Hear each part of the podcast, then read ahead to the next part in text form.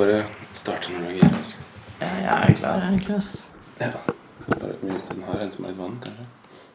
I dag skal jeg prate med platesamleren som for alvor gjorde et inntog i både norsk og internasjonal hiphop-historie sammen med rapperen Ivan Ave. Denne DJ-en har gått fra å være en samplebasert hiphop-produsent til å bli en fullblods musiker med eget plateselskap. På besøk i leiligheten på Tøyen får du nå høre Fredrik Øverli sin historie. For hvem er egentlig Fred Fades? Du hører på tredje episode av podkasten Én av fem. Dette er én av fem. Én av fem med DJ Konkret. Jeg tenker vi må starte litt med, med bakgrunn. Ja. Eh, hvor du er fra, hvor du har vokst opp, eh, og hvor du føler deg mest hjemme. Ja, sånn, ja. Um, Jeg er fra Oppsal. eh, Født i Oslo. Bodd på Oppsal hele livet, helt til jeg flytta til Tøyen i sånn 2011. Så det er egentlig bare to steder jeg følger meg hjemme. Oppsal og Tøyen. Ja. Ja. Uh, hva Kan du liksom huske hva som kickstarta tanken om å begynne med musikk uh, og DJ-ing for din del? Mm, Det var egentlig ikke noe sånn Det var liksom ikke det det starta med. Det starta med at jeg liksom var ganske liten og så mye på skateboardfilmer og hang mye med folk i skateboardmiljøet og sånn. På de spillene og i de filmene og sånn, så var det alltid mye hiphop-musikk, da. Så begynte jeg liksom å like det, egentlig litt av skateboardkulturen. For der var liksom hiphop godt implementert allerede. Så øh, begynte jeg med graffiti, breakdance, rapping og sånne ting først. Så liksom drev med litt andre ting først, før jeg begynte med musikk. da. Tror jeg begynte med Eller jeg begynte å DJ kanskje da jeg var sånn 14-13, rundt der et sted. Kjøpe plater. og Hva var din første setup da? Mm, Det var to billige sånn Stanton-spillere som var eh, Det var ikke noe gode. Og så var det en slags Newmark-mikser. Eh, Jeg husker ikke hva den heter. Lurer på om den het Nei, jeg har ikke sjans. Jeg kan finne bilde av den senere. Ja. Jeg husker ikke hele Newmark-serien, jeg har ikke vært så langt inn den, men eh, Det var en rar mikser med litt effekter og sånn. Det var det jeg husker. ja. Og neste steget da, ble det opp eh, til Technics, eller var du innom noen andre Det tok ganske lang tid før jeg liksom oppgraderte spillerne mine. Eh, Det kosta jo så mye penger, ikke sant. Og man var ganske ung, så man hadde jo ikke de spennene tilgjengelig. Eh, Så jeg hadde jo alltid lyst på Technics, men jeg husker det her var når den filterbutikken holdt til inne i Operapassasjen og sånn før. Stemmer. Eh, Så var det en som het Paul, som jobba der med briller. Jævlig hyggelig fyr. Som var liksom flink til å selge også. Og de solgte jævlig mye Stanton. Og på det tidspunktet så hadde Stanton lagd noe greier som het Straight 150 og ST 150. Som var liksom eh, samme motor som Techniques 1210 MK5. da. Så de var veldig sterke. Tunge, stabile spillere laget i metall. da. Hadde ikke de rett tonearm også, eller? Jo, det hadde rett tonearm. Så jeg drev med det greiene der en stund. Og så hadde jeg egentlig de veldig lenge. Eh, og så har jeg liksom vokst ganske mye som platesamler. da, Bruker veldig mye penger på plater og sånn. Og jeg hadde besøk av Peanut Butter Wolf en gang fra Stones Row, Og han bare 'Du må faen meg skaffe deg ordentlig tonearmer. Du kan ikke holde på med de greiene der. Du sliter skivene dine feil.' da. Så selv om det tracker bedre, så vil du få Han mener det gir dårligere lyd. Altså feil oppfatning av liksom signalet pga. at den står i spenn. Nåla. Med rette tonearmer, liksom? Ja, så han sa det eneste som er bra med rette tonearmer, er at det tracker. Så hvis du bruker Serato, så er det sikkert fint, men hvis du har tenkt å spille vinyl og liksom få optimal lyd ut av det, så skal du ha bøyde tonearmer, da, sånn som på vanlige tolvtier. Så jeg solgte de, eh, kjøpte to tolvter billig, og så var det en fyr som plutselig skulle selge to stykker til samme uke, så jeg bare kjøpte de og dritbillig, og så bare solgte jeg de videre, og da hadde jeg liksom gått i null igjen, da. Da var det plutselig sett sette opp en gratis. Så etter det så har jeg blitt veldig veldig glad i 12. Jeg har alltid vært det. Det var bare et eller annet med de Stanton-greiene når de var helt nye. da. De var så jævlig sterke, og de hadde sånn ultra-pitch. Og de har til og med sånn time stretch-funksjon, så du kan høre inn noen sånn Madley beats og sånn. Hvor du pitcher skiva, og den prosesserer lydsignalet digitalt. Så du pitcher det uten at den pitches, da. Det er kun tempo som endres, Ja, og ikke tonaliteten. Ikke sant? Så jeg brukte det i litt beats og sånn, faktisk. Fett. Og i dag, hvor mange platespillere har du i dag? da? Er det to, eller er det Jeg har to. Det holder. Det holder massevis. Ja. Ja. Men du har masse annet snacks, da? Ja, jeg har jo mye, mye keyboards og uh, ting som jeg bruker til å produsere musikk, da. Som ikke har så mye med DJ-ing å gjøre. Men med liksom lydproduksjon. Ja, vi må jo snakke litt om uh, om produseringa også, syns jeg. For det har jo vært Du har jo vært en uh, absolutt synlig karakter i norsk hiphop-historie, da. Eller i hvert fall hørbar karakter, hvis man kan si det sånn. Jeg har jo laget ganske mye musikk. Har du oversikt over hvor, eh, hvor mange norske rappere du har Uh, nei, egentlig ikke. Jeg har laget en slags liste, en slags diskografi. Uh, men den, handler, den lister bare liksom fysiske utgivelser. Mm. Og én digital utgivelse av meg og Eivind. Og utover det så har jeg glemt å skrive ned alle de norske folka jeg jobba med. Det er jo masse, masse gamle sånn enkeltlåter her og der. Litt ting for gata. sånn Småtterier utenom de liksom hovedprosjektene til meg selv og Eivind og Charlotte og sånne ting. Og Eikrem. Jeg har jo hørt, deg, hørt navnet ditt uh, utallige ganger fra masse forskjellige rappere som shouter ut i starten av tracken den klassiske Ja, hiphop sånn, i ja. All Different Fades. Uh, Ja. Um, men um, Tøyen Holding må vi snakke litt om. Ja, ja, ja. Det er jo et spennende, spennende prosjekt. Hvordan, hvordan ble egentlig hele det prosjektet til? Mm. Jeg hang mye med Daniel da jeg var yngre. Drev mye med graffiti sammen og sånne ting. Og så Og Daniel er da MSF? Ja, stemmer. Um, og så var vi veldig mye sammen sånn på videregående og sånne ting. Og så mista vi egentlig bare litt kontakt. Liksom, ikke av noen spesiell grunn, bare jeg begynte å henge mye med folk som lagde musikk og sånn, og han fortsatte å henge veldig mye med folk som drev med graffiti og sånn. Bare sånn interesse Bare en endring som skjedde pga. interessene våre. Og så kjøpte jeg kåk på Tøyen. Og så visste ikke jeg at han også hadde kjøpt kåk på Tøyen, helst samtidig. da Sånn typ samme uke eller uka etter eller uka før. eller noe sånt Og så eh, hadde jeg bare begynt å lage en, en track, da bare for fun. Bare en sånn typ one take som bare var liksom 16 bars eller noe. Som jeg sendte til han. da Og så hadde jo han drevet og skrevet masse greier sånn. Jeg visste jo ikke det. Så det var jævlig morsomt, fordi vi har alltid liksom vært veldig interessert i rap, begge to. da Men vi har aldri laget noe. Og så var Så satt dere på hver deres side liksom. og liksom lagde ting? Ja. Fett. Så da bare begynte vi å egentlig bare henge i kåken her og bare spille inn hele skiva. Ja. Ja, så vi har liksom Vi lagde ganske få låter, da. Alt vi har laget, er gitt ut med unntak av sånn én track eller et eller annet. Jeg var jo på på en måte på en av urkonsertene, for det var Vi delte deks på Fisk og vilt en gang, husker jeg. Ja, det var morsomt. Og da dukka jo, dukka jo han opp, og så bare dro dere noen låter, husker jeg. Ja, det var fint. Men eh, i det prosjektet der så driver jo du også og prøver deg på litt rapping og Ja, ja. er på den veien der. Pr prøver meg på det. Ja. Ja. ja, men det er kult, da. Ja, det er gøy. Det er bare liksom Jeg er bare glad i å lage ting, da. Og jeg har lagd jævlig mye beats og jeg har lagd jævlig mye hiphop, liksom. Så i fjor så ga jeg ut liksom en sånn New Age-prosjekt og drev med rap og har begynt å produsere liksom elektronisk musikk og sånn. Jeg liker å gjøre mye forskjellig. Jeg synes det er kjedelig å sitte Jeg kan ikke lage boom-bap i 30 år liksom og bare bli liksom stuck i det samme hele tiden. Da. Jeg synes det er veldig kjedelig, så jeg liker å liksom bare underholde meg selv med å gjøre forskjellige ting. Ja, for det det er jo et punkt jeg har på lista her, òg, liksom om det bare er boombap som, som gjelder, da. Det, men det svarte du jo ganske Ja, jeg liker alt mulig. Jeg hører på moderne hiphop, gammel hiphop, housemusikk, teknomusikk, jazzmusikk, reggae. Alt mulig som er nice. Jeg har jo hørt noen eh, Noen av de mener å huske de gjorde en låt for Bankmenn uh, At de leverte en bit beat der. Og det var jo ikke så veldig sånn boom-bappete, da. Den var jo litt sånn Nei, det var akkurat når jeg liksom hadde fått meg synthesizer og skulle liksom begynne å spille ting sjæl sånn. ja.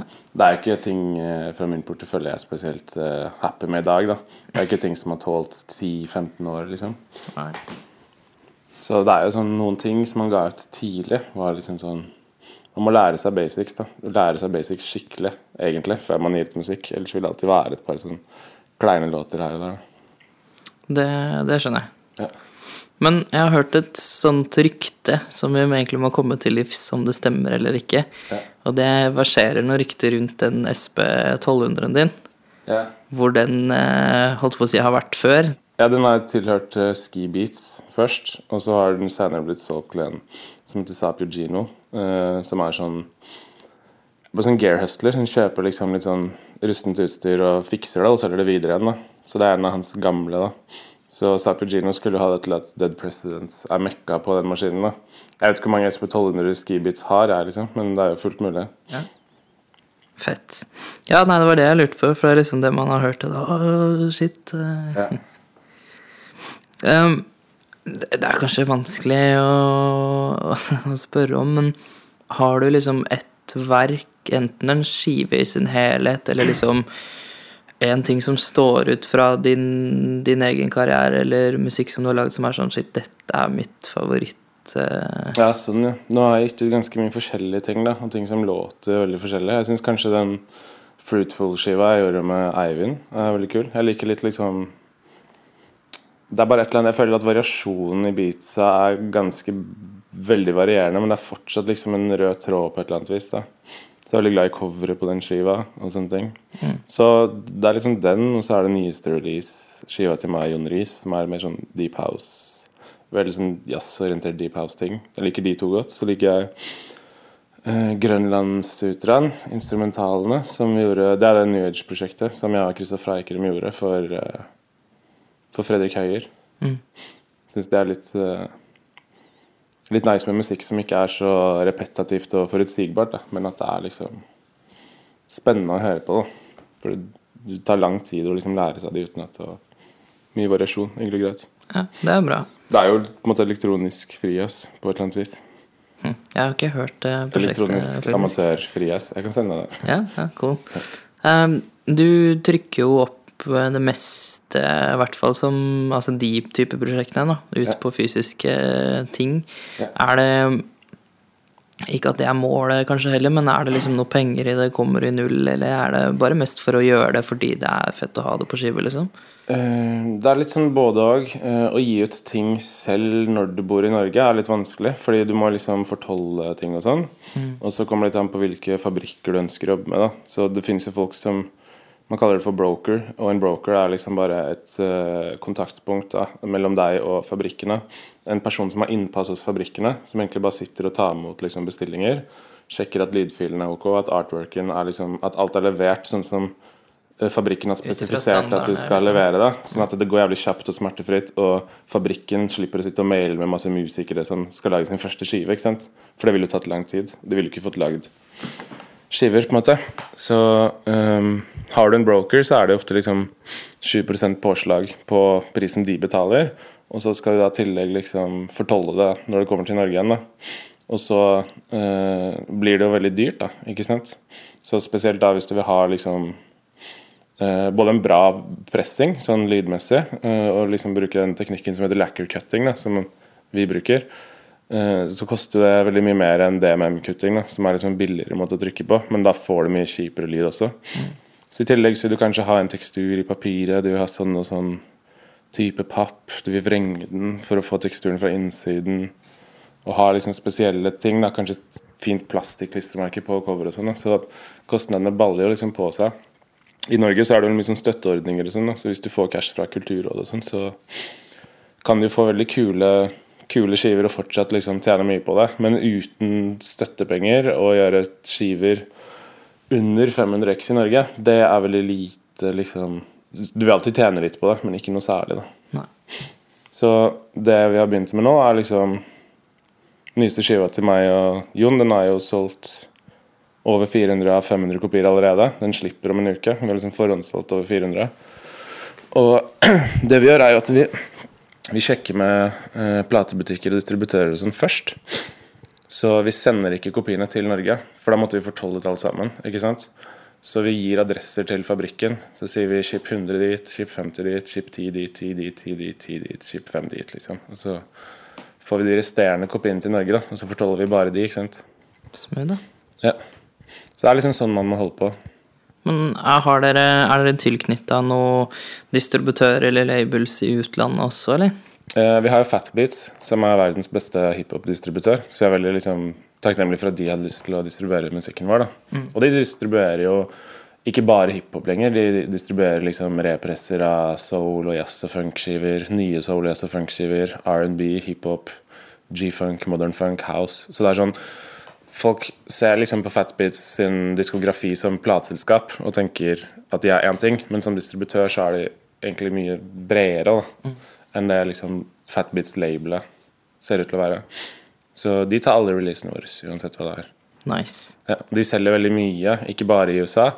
De selger også liksom i Japan, Australia og Europa og sånn. Og så har vi Playground Music eh, fra Sverige, som distribuerer i Skandinavia og Balkan. Og så har vi eh, per nå ingen EU-distributør, men vi har et par butikker som kjøper liksom sånn 100 X av hver release og sånn. Og da Da går det jo greit, liksom. ja, og Det er liksom store nettbutikker. da, Det er HHV, f.eks. De tar alltid 100 X av det vi gir ut. Og da er det sånn ja, lett for oss å selge de resterende 200 kopiene i Norge. ikke sant? Hvis vi gjør en run på la oss si 500, da. Cool. Mm. Eh, har du liksom blitt kontakta av noen i utlandet, sånn type Nå tenker jeg ikke på business-delen av det, men typ noen fans som bare sånn Fy faen, alt dere gjør er insane. Ja, det skjer jo hele tiden. Eh, Flere ganger i måneden så får vi jo veldig hyggelige e-poster og innboksmeldinger på Facebook og Instagram og sånn. Folk som er happy, da. Koser seg med musikken og sånn. Så det er, det er jo det som er liksom givende med å drive med musikk. Det er å vite at det, folk setter det er noen som setter Liksom. pris på det. Har du et uh, drømmesamarbeid som du liksom tenker sånn Shit, den hadde vært nice å få naila? Jeg vet ikke. Kanskje akkurat nå så ville det vært å fått noen vokaler av Keri Chandler eller noe sånt, kanskje. Dope. Ja. Uh, hvor oppdager du ny musikk? Ny musikk, ja. Uh, ny musikk, for at jeg oppdager mye nye I hvert fall liksom hiphop og nye jazzband og nye house-releaser og sånn. Følger mye folk på Instagram som deler mye bra Mye bra nye ting. da Filmer at de spiller en skive. Uh, Reshare liksom på storyen sin hvis kompisen deres gir ut skive. og sånne ting da Så jeg finner veldig mye moderne musikk via Instagram. Ja, nice. Ja. Du, bruker du Spotify noe særlig? Jeg bruker Spotify, men eh, jeg tror liksom ikke jeg bruker det nok. For jeg føler at de algoritmene de er liksom sånn Stemmer ikke helt, liksom? Nei, De foreslår liksom ting som jeg kan forstå at de foreslår. De foreslår liksom populære ting innenfor de sjangrene jeg hører på. Sånn jeg føler at det er liksom ikke så Hender innimellom, da, på hvis jeg sjekker release-radaren min, at det ligger liksom en eller to låter der som jeg lagrer. Men jeg vet ikke. Jeg er veldig glad i å høre på album. da Så ofte så sitter jeg bare på Spotify, eller når jeg går ute, så setter jeg gjerne på et album. Og så går jeg og hører hele plata, da. Istedenfor å høre på lister med forskjellige artister og sånn. da. Jeg liker godt å høre liksom, album fra start til slutt. da Så jeg prøvde å finne liksom sånn Hvis jeg skal gå 40 minutter, så finner jeg en skive som varer 40 minutter.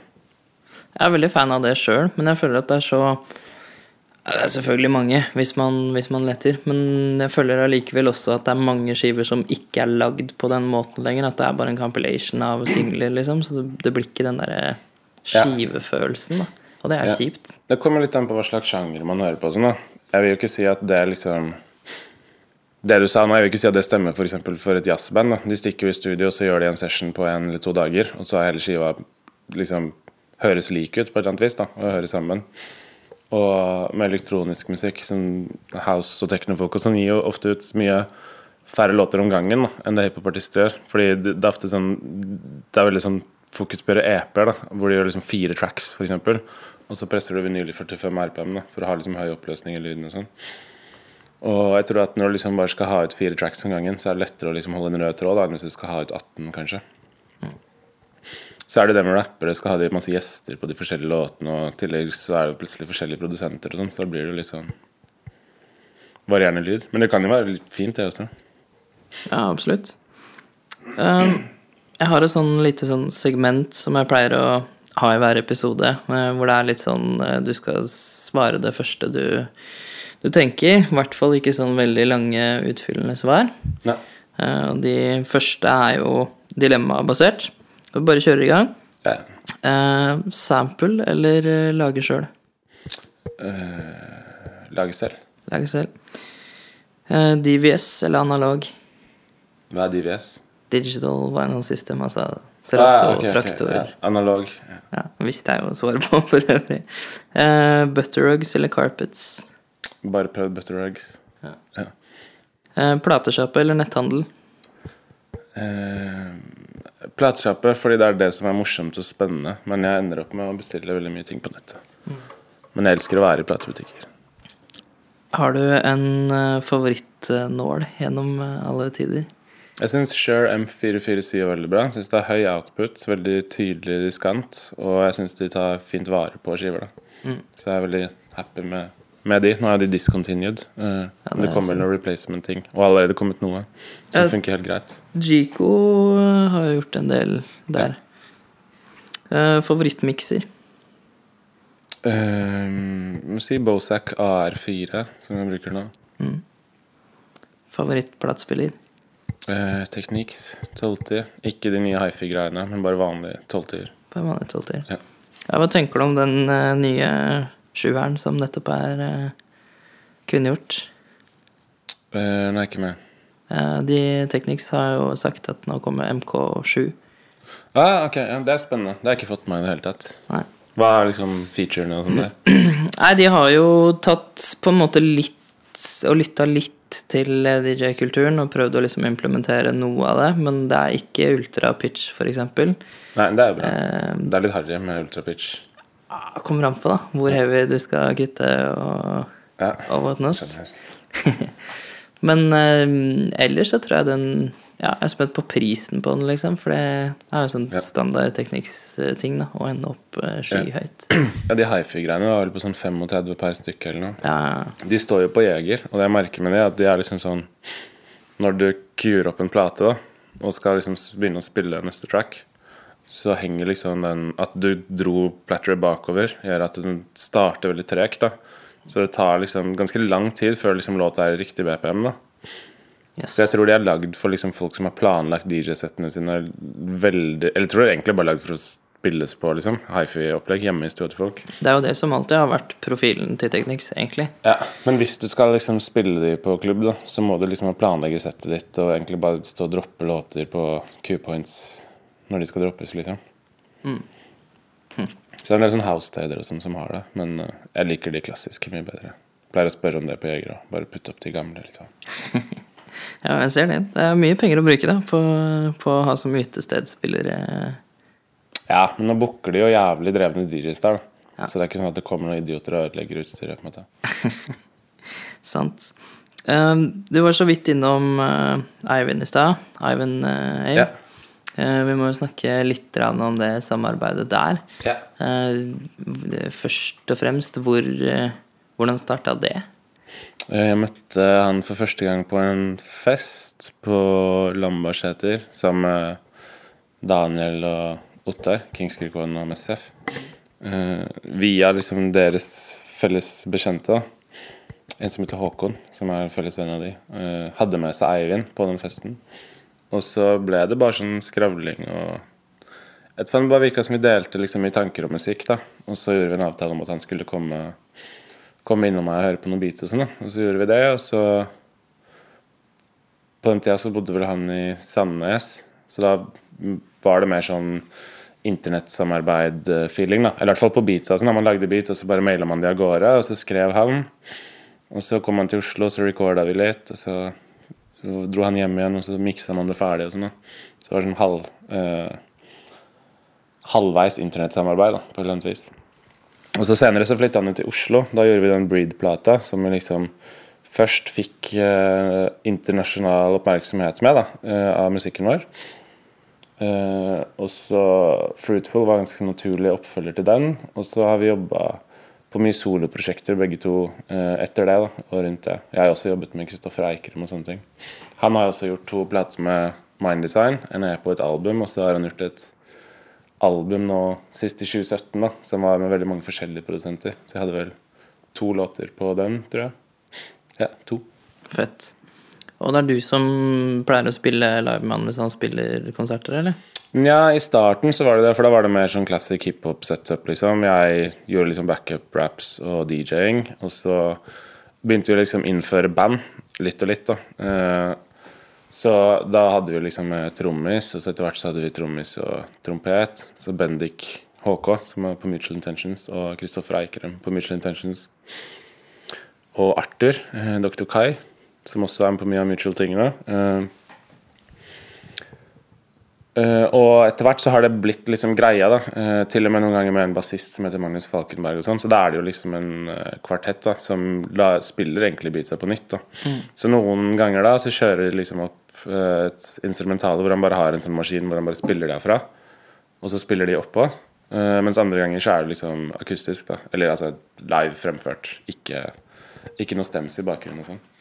Og det er jo kult. Jeg tror liksom som rapper i Norge, da, eh, så er det litt sånn Hvis du bare kommer med en DJ og skal drive og gjøre det rundt omkring i Norge hele tiden, så vil jo liksom Fienden din vil jo synke hvis du driver og gjør shows hele tida. Liksom. Spesielt norskspråklige folk som aldri kommer seg ut til Norge. De må jo bare gjøre shows i Norge hele tiden. Men det handler om å gjøre noe annet enn å bare komme og trykke play og rappe. da. Hvis du klarer å gjøre en ordentlig live-konsert, da, så kan du charge mer og få større konserter sjeldnere, som tror jeg er mye liksom morsommere som artist. Og så liksom mer økonomisk bærekraftig. da. Det kan du jo, altså, i hvert fall til en viss grad. Da kan du jo få det mye eh, med en DJ, da. Og med å ha den klassiske dynamiske, at du kan gjøre litt mer, i hvert fall en turntablist-basert DJ, som kan Ja, men det er jo en sjuk ting. Altså sånn eh, Jeg også kan jo scratche, liksom, og gjøre det noen ganger for jeg syns det er morsomt, men sånn å rappe liksom 16 bars og så scratche 16 bars er jo Det skjer jo ikke i 2019. Det er jo ingen som driver med det, på en måte. Nei, i hvert fall ikke i Norge.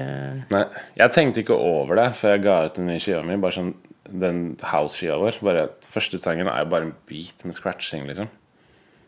På en house track. Vi jeg har ikke tenkt over at det er scratching. Altså sånn Nei, For meg det så produksjon, liksom. ja, det føles bare som et sample eller en syntmelodi. da Det er bare noe, liksom. Jeg tror at jeg har en ganske annerledes tilnærming til uh, musikk nå enn tidligere. da Jeg føler at veldig mange identifiserer seg veldig med hiphop og liksom kulturen. da Og det gjorde jo jeg veldig når jeg var liksom ung. Sånn innledningsvis så var det liksom sånn Ja, det her er fett, liksom. Det her er min identitet, og det her er det jeg driver med, og det er sånne folk jeg er hypp på å henge med og sånn.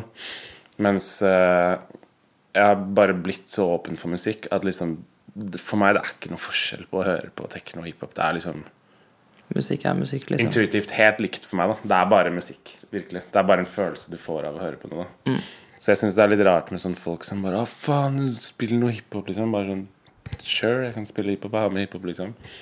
Men det går i 120 BPM-er nå, liksom. Vi kan kjøre litt hiphop på slutten, liksom. Ja. Jeg, jeg liker ikke folk som bare hører på én sjanger, da. Jeg synes at det er ganske Eller jeg, jeg kan ikke si at jeg ikke liker de folka. Jeg syns det er ganske ignorant å bare høre på hiphop. ja. Liksom. Ja, men tror du Jeg holdt på å si Tror du noen bare hører på en sjanger? Sånn Jeg tror veldig mange folk bare hører på hiphop, og bare hører på black metal spesielt. Det er sånn folk som identifiserer seg utrolig mye med, med musikken sin. Ja, det er sant. Ja. Men det er jo- Men det er jo litt fascinerende òg, fordi hiphop, som er en så sample-basert kultur, da, som, som har så mye Ja. innslag fra annen musikk, så er det sykt ignorant å bare Det er akkurat det jeg mener.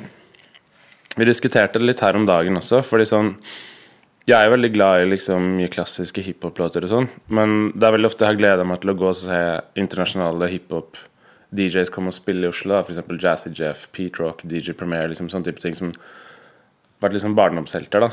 Og så føler jeg at det liksom de De har ikke noe spennende sett, da. Ok, de kan være teknisk flinke, kanskje. Ikke at de tre egentlig er noe særlig teknisk flinke i det hele tatt. De pitcher låtene drithøyt opp, og volumet går opp og ned, og det er liksom shabby beatmixing, og det er liksom De kan scratche, liksom, men de er ikke rå klubb-DJs, da.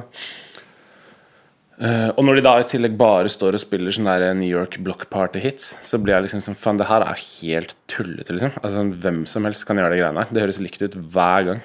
Det er de samme låtene, liksom. Jeg syns det er liksom det, det er helt meningsløst da å gjøre sånn tribute til liksom eh, golden era hiphop hver gang du skal gjøre DJ-sett. Det er sant. Det er veldig lite unikt, og det er veldig kjedelig. Jeg har lyst til å bare høre folk som koser seg, og bare spiller det de hører på om dagen. på en måte Og hva er det som inspirerer deg mest, da, med hvis du er ute og hører en DJ som bare sånn å, fy faen? Ja, eh, jeg har lagt merke til at ofte de DJ-ene jeg liker, de er ikke nødvendigvis teknisk råe. da De mikser ikke så bra og sånne ting. Veldig mange av de DJ-ene jeg liker og sitter og hører på Jeg har jo kontorjobb, så jeg jobber 9 til 5, så jeg hører veldig mye mikser og radioshow og sånn når jeg sitter på jobben da, med headphones.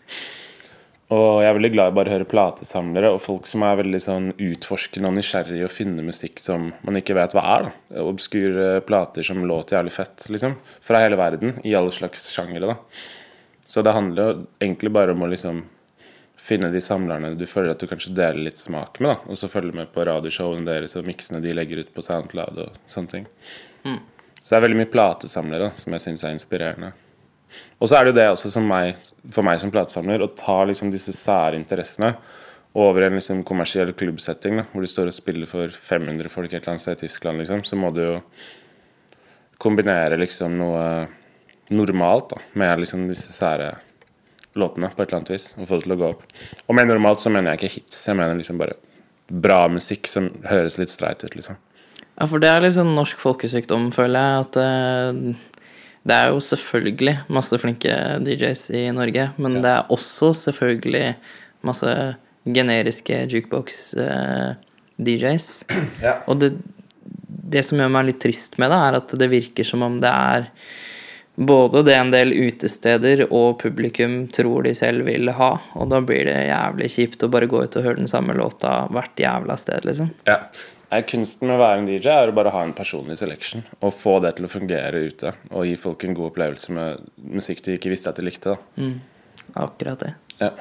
Så jeg føler jo kanskje sånn spesielt nå med liksom uh, latskapen til folk og liksom uh, hvor generisk liksom, moderne hiphop høres ut, da. så føler jeg at spesielt hiphop-DJ som spiller på byen, som spiller veldig moderne hiphop, da, sånn Future og Two Chains og alt mulig sånn type musikk, da, Ray Shremmerd eller whatever. Jeg føler at det er liksom Det er så likt. Og jeg ser liksom alle de gutta jeg kjenner som spiller og liker sånn musikk, de står bare og alltid spiller det nyeste, da, som har liksom sånn Alle låtene har sånn 50 millioner streams på nettet, liksom. Det er bare sånn Det er ikke noe galt i det, men liksom sånn det, det, blir ikke noe mangfold da hvis alle bare blir slappe og bare digger liksom hits og står og spiller de samme hitsa.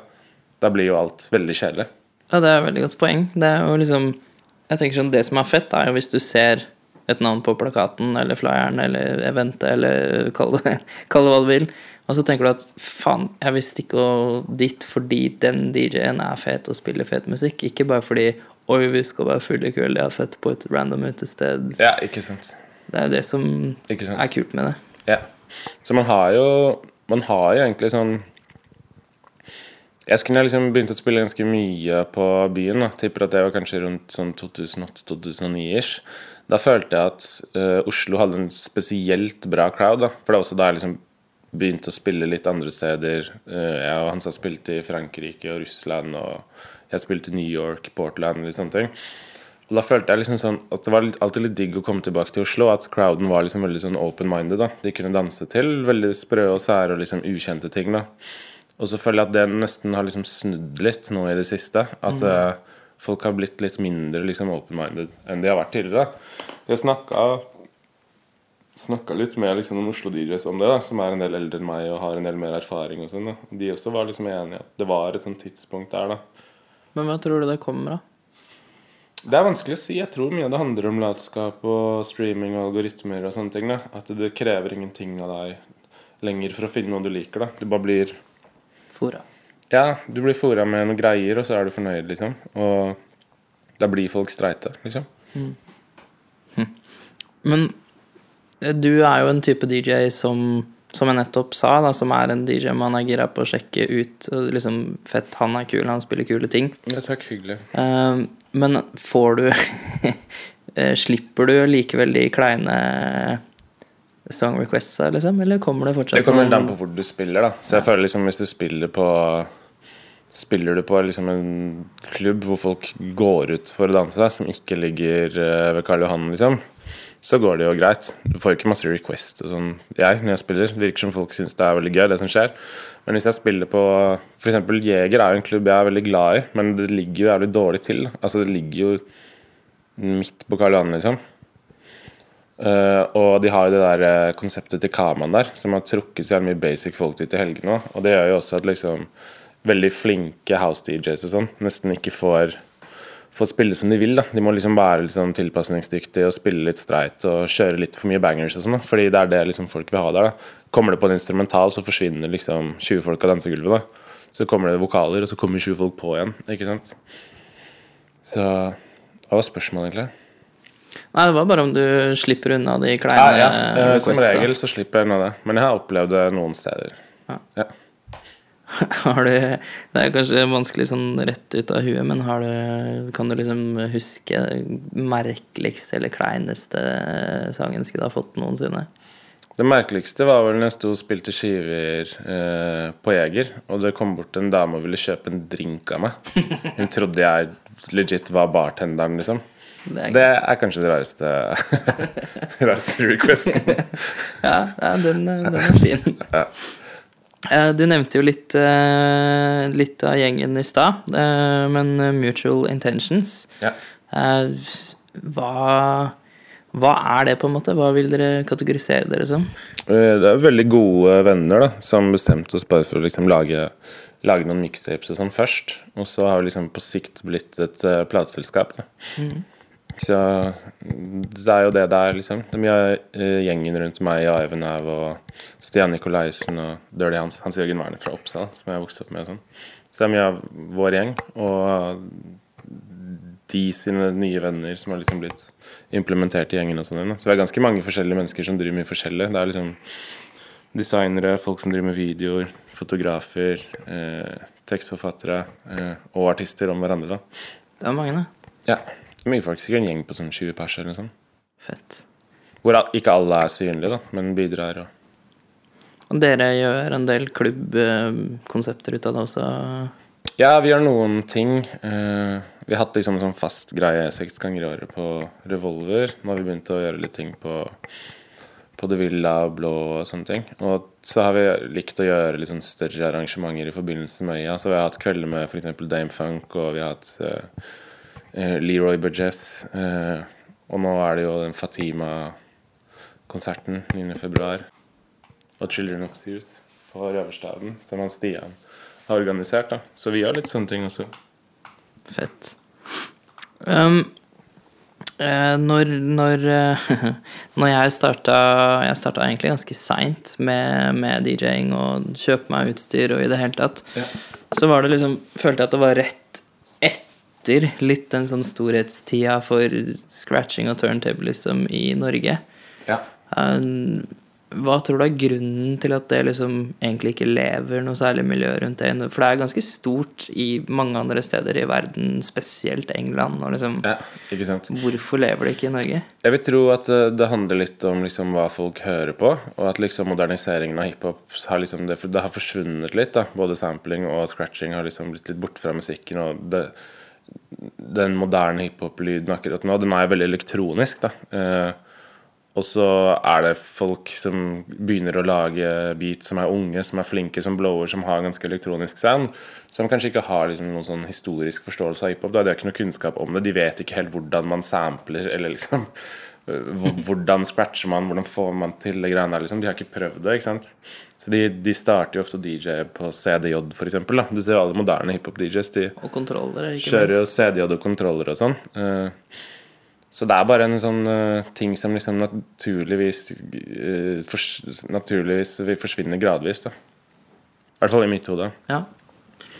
Men har du da noen tips til de som, hvis det er liksom noen som har lyst til å bli DJ, da, uavhengig om det er for scratchinga sin del, eller om det er for miksinga sin del, eller for moro, eller hva Ja. Og jeg er jo veldig glad i liksom eh, Jeg vil si at jeg er kanskje først og fremst en platesamler, og så en DJ, og så en produsent, på en måte. I den rekkefølgen, da. Og jeg vil si at eh, for min del så handler det jo mer om liksom å oppdage musikk, da. Og ha liksom eh, Ha noe fysisk, ha noe stående, support i artisten du liker, kjøpe en plate, og ha den hjemme, vite at du har liksom du har bidratt på et eller annet vis, da annet enn å streame de og gi de to cent i Spotify, liksom. Eller laste ned låta deres på et eller annet sted, og så får de kanskje 25 cent for et eller annet iTunes-kjøp, liksom. Så det er, det er kult å supporte det, og også liksom ha det produktet hjemme. da Minne meg på at det her er en del av meg. da Det er ting jeg liker, liksom. Handler bare om å ha det. Platene stående, liksom. Være glad i ting du har liksom Har brydd deg om på et tidspunkt, eller bryr deg om akkurat nå. da. Ja, support your local artist. og- Ja, så syns jeg også liksom når det gjelder å spille plater da Jeg har veldig mange i min gjeng som alltid har liksom spilt plater. Typ alle i Mutual har platespillere hjemme og har alltid DJ-a med plater. Så merker jeg at noen av gutta de har liksom uh, begynt å spille eh, veldig mye, da. For det er veldig sånn convenient å bare Komme stikke på to vors med en minnepinne i lomma, og så stikker du og spiller CDJ etterpå. Men jeg merker at det, det er et eller annet sånn veldig forutsigbart og kjedelig med det. Og det er en sånn magi som forsvinner litt. da Jeg tror det handler om liksom Egentlig greit handler om fokus. da Jeg føler at alle DJ-ene jeg liker, eh, både house- og hiphop-DJs og soul, funk-DJs, alt mulig, alt fra legender til platesamlere og sånn, da Når jeg har sett de spille, eller bare vennene mine, altså når du ser de spille liksom et CDJ-sett, så er de aldri med samme innlevelse og liksom dynamikk da som når folk står og spiller med CDJ. Det er et veldig godt poeng som jeg egentlig Jeg aldri det er en sånn magi som forsvinner, da, enkelt og greit. Og jeg merker det selv når jeg spiller også. Jeg gjør en sykt mye bedre jobb hvis jeg har med meg liksom 50 plater og står et eller annet sted nede i Sveits og spiller de, liksom, enn hvis jeg bare står med CDJ. da. Det er et eller annet Det er en rar dimensjon der som forsvinner. Jeg, det er vanskelig å sette ord på det. Jeg merker også i forhold til liksom sånn lyden og sånn også. Jeg har noen låter på CDJ som er liksom hvor jeg har kjøpt WAV-fyll, liksom, og spiller WAV. Og så bare låter det litt sånn døvt. Så har jeg samme skiva i bagen. Blender inn vinylen, liksom. Og bytter, så låter det sjukt mye bedre, da. Det kan bare være liksom Det kan være alt fra liksom at det er litt bassfeedback i nåla, så det resonnerer liksom med bassen i rommet eller noe, da. Men det låter bare så jævlig mye bedre, spesielt liksom basstung musikk, da. Ja, men er det ikke sånn at eh, vinyl uh, Det vet jo du selvfølgelig mye bedre enn meg, men er det ikke sånn at vinyl uh, Ting som blir gitt ut på vinyl, må mastres litt annerledes?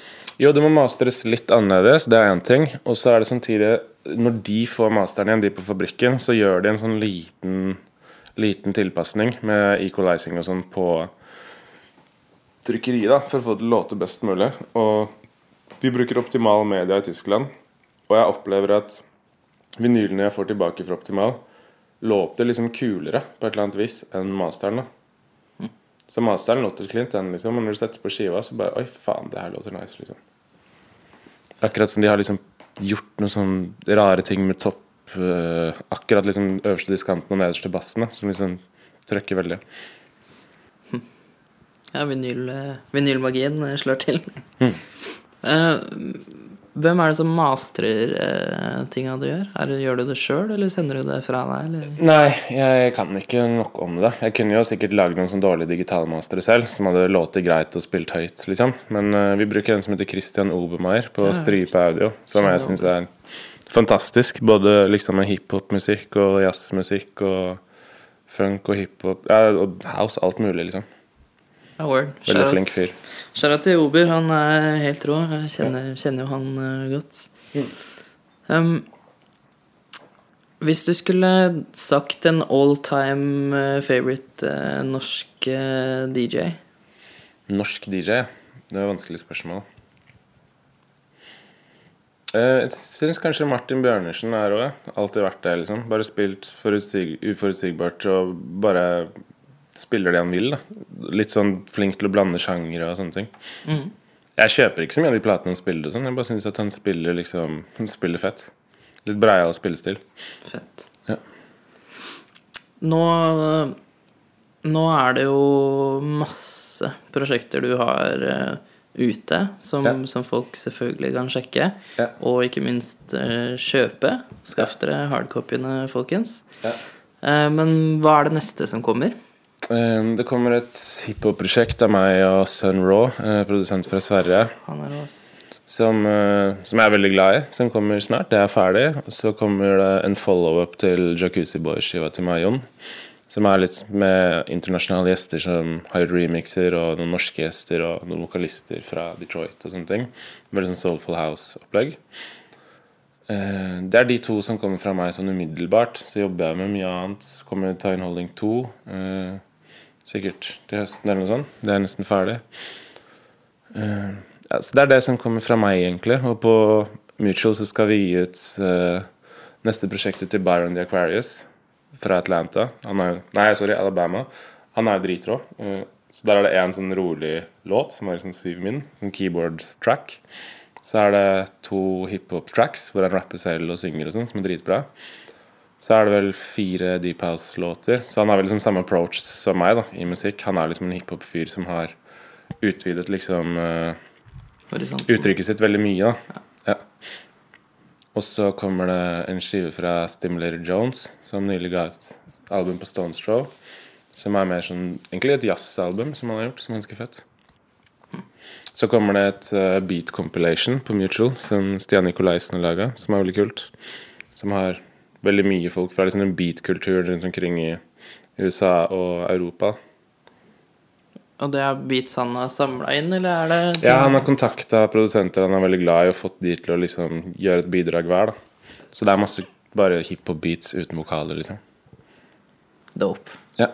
ja Mutual Friends heter det. Kommer Snart. Det kommer snart, ja. Med masse emning. Um, hvor, uh, til uh, den som uh, lytter på, hvor, hvor sjekker man ut Fred Fades og Mutual Intentions utgivelser? Hva er go to Hvis man bare vil gå og høre soundclips av plater og shoppe med en gang, så er det jo mutualintentions.com. Mm. Eller så er det bare å søke det på Spotify og Soundcloud. Discogs, hvis man vil ha liksom utvida diskografi og sånne ting. Mm. Fett. Ja.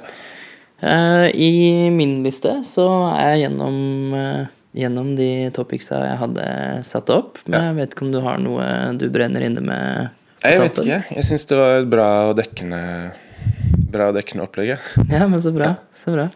Uh, helt på slutten, har du en sånn gem, en type artist som du er litt sånn opptatt av om dagen, som er bare sånn Shit, det her er noe gull. Ja, faktisk. det finnes et album som heter 4AM fra 1990, fra England, som er et sånt elektro-soul-prosjekt av to briter som låter helt sinnssykt. Som ifølge internett bare ble solgt én gang, og den er det jeg som kjøpte. Veldig dyr plate. Og nå har jeg kommet i kontakt med bandet. De gjorde bare 300 X i 1990. Så jeg tenker kanskje gjøre 300 X i 2019 også. Hvis Så de er hypp på det, da. Bare gjøre en slags repress av det. Så det er det jeg hører mest på om dagen, kanskje. Den fins bare fysisk, eller ligger det tilgjengelig? De har lagt den opp et sted på nettet til nedlastning. Ja. Så man kan høre den der. Men den kommer til å være borte før det intervjuet er publisert. Ja. Og gis ut på Mutual senere. Fett. Ja. ja, men Så bra. Da takker jeg for praten, jeg. Og så, så stopper vi det der. Ja, fett. Good.